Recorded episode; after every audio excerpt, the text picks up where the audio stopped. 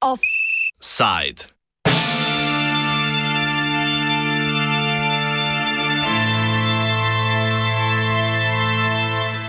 Evropsko desna Poljska.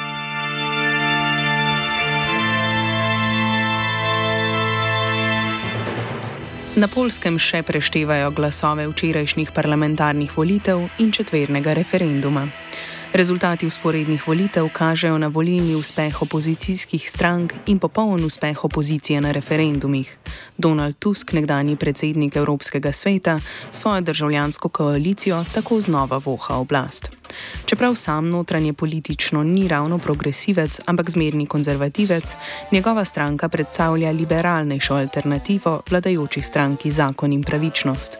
Ta se je v svoji nacionalistično-konzervativni agendi odmikala proč od pokvarjenega evropskega zahoda in zbliževala z višegrajskimi desničari, kot je mačarski Viktor Orban.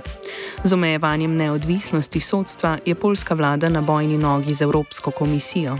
Ustavno sodišče pa je ljudstvo pod taktirko vladajoče stranke udarilo predvsem z odpravo pravice do splava pred tremi leti.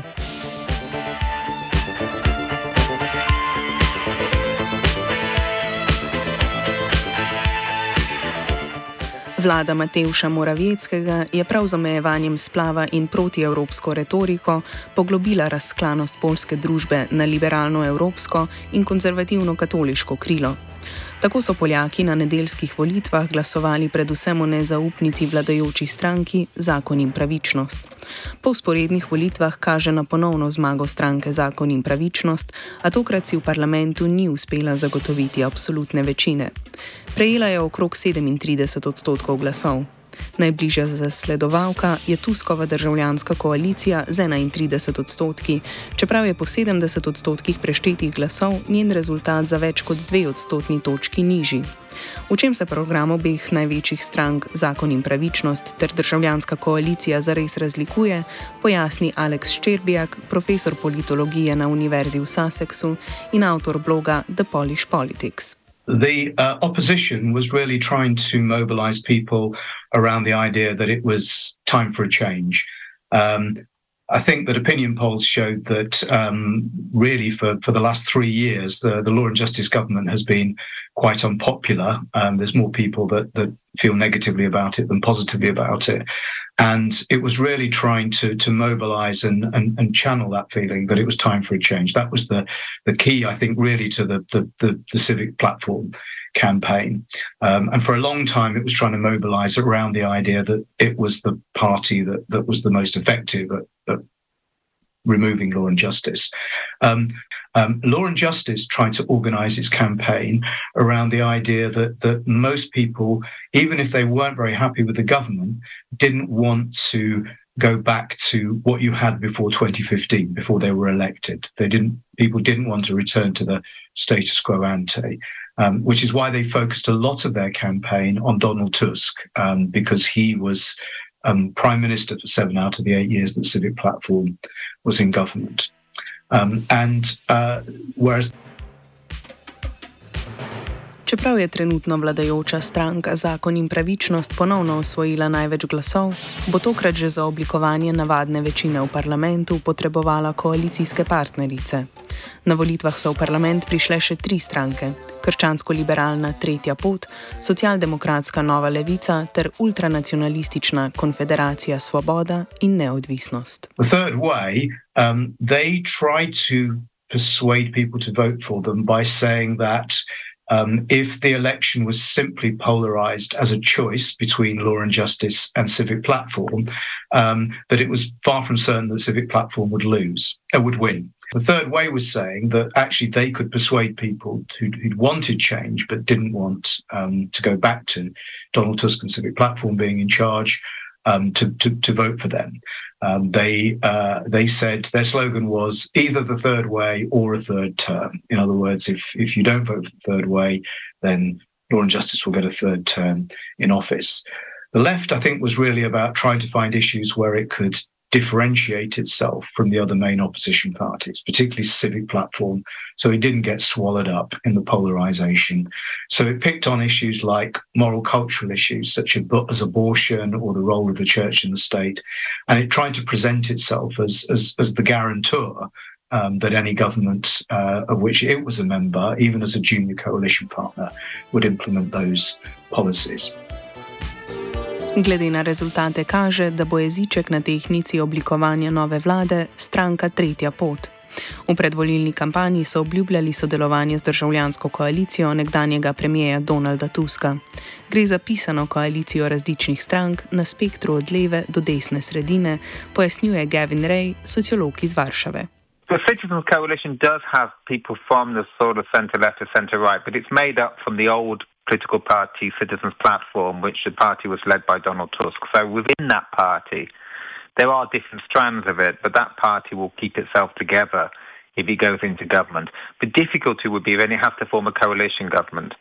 Uh, and tensions will start to rise then. The third way, and the third way is, is, is a new coalition itself. It's made up of two parties. One, which was the old um, Polish People's Party, the Agrarian Party, which is a long-standing party in Poland, and a new movement around uh, a sort of media personality called Hołownia. This is probably the least predictable uh, political movement in, in, in the new uh, in in the new parliament. Um, the least sort of coherent ideologically.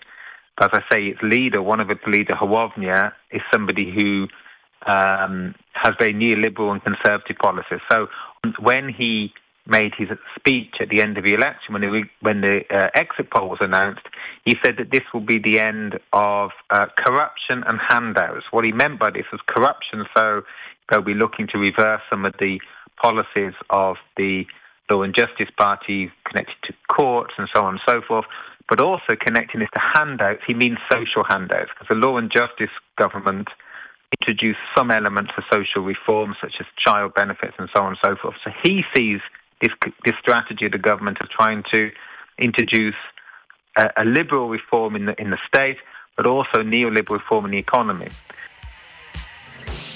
Toda, kot razloži Ščerbjak, bodo v primeru nove koalicije za vladajočo garnituro problem programske razlike med strankama Nova Levica in Tretja pot.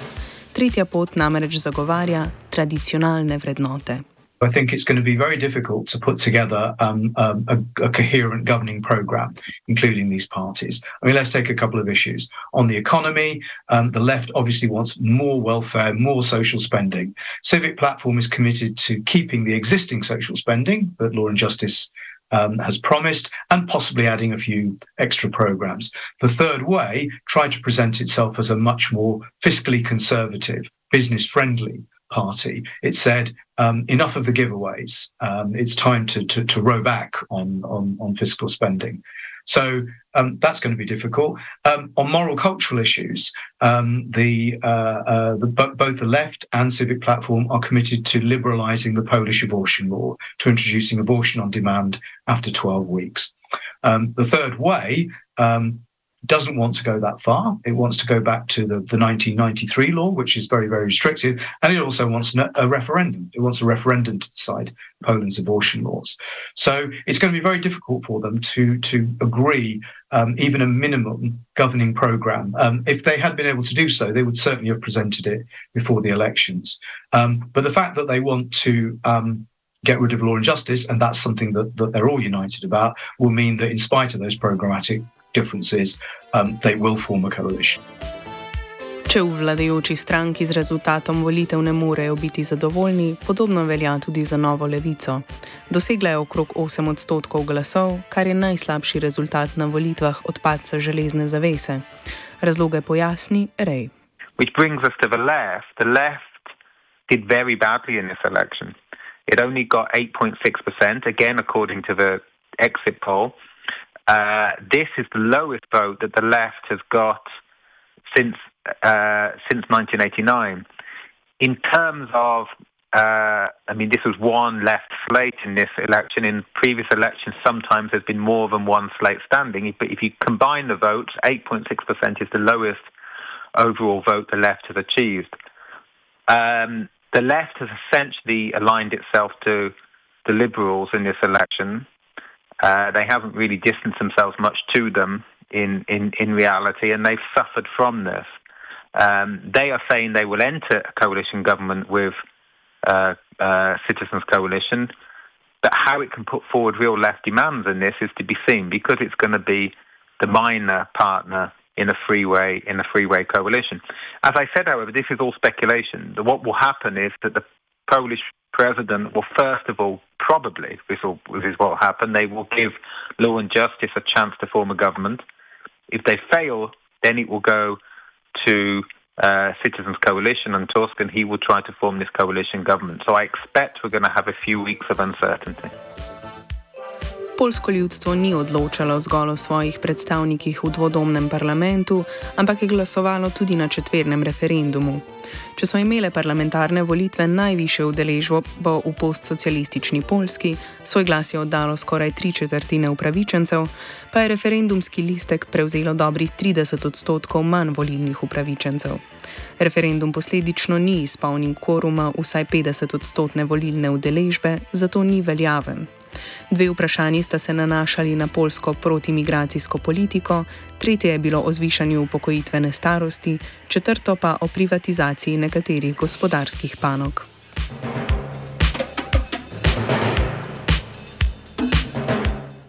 Referendum je razpisala prav vladajoča stranka Zakon in pravičnost in na vsa vprašanja je dobila na referendumu tak odgovor, kot ga je hotela.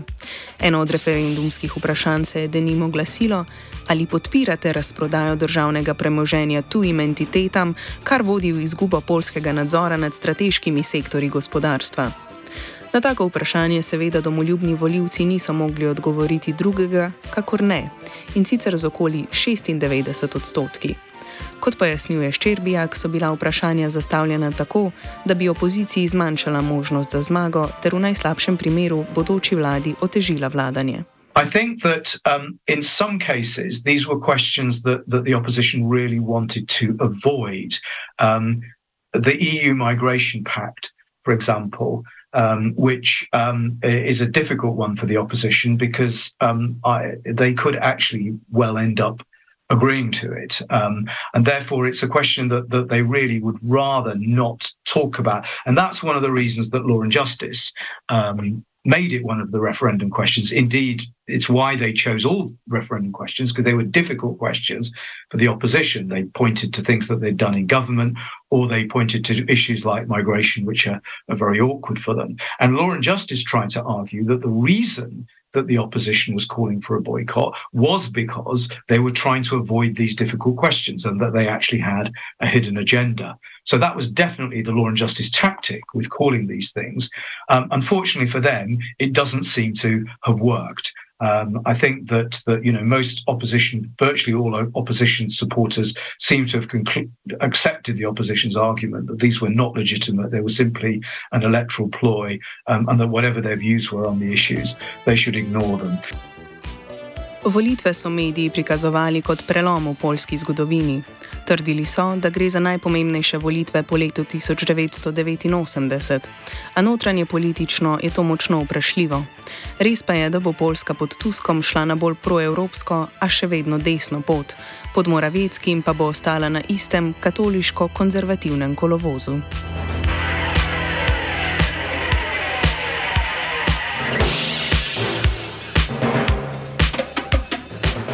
Offside je pripravil Tilen.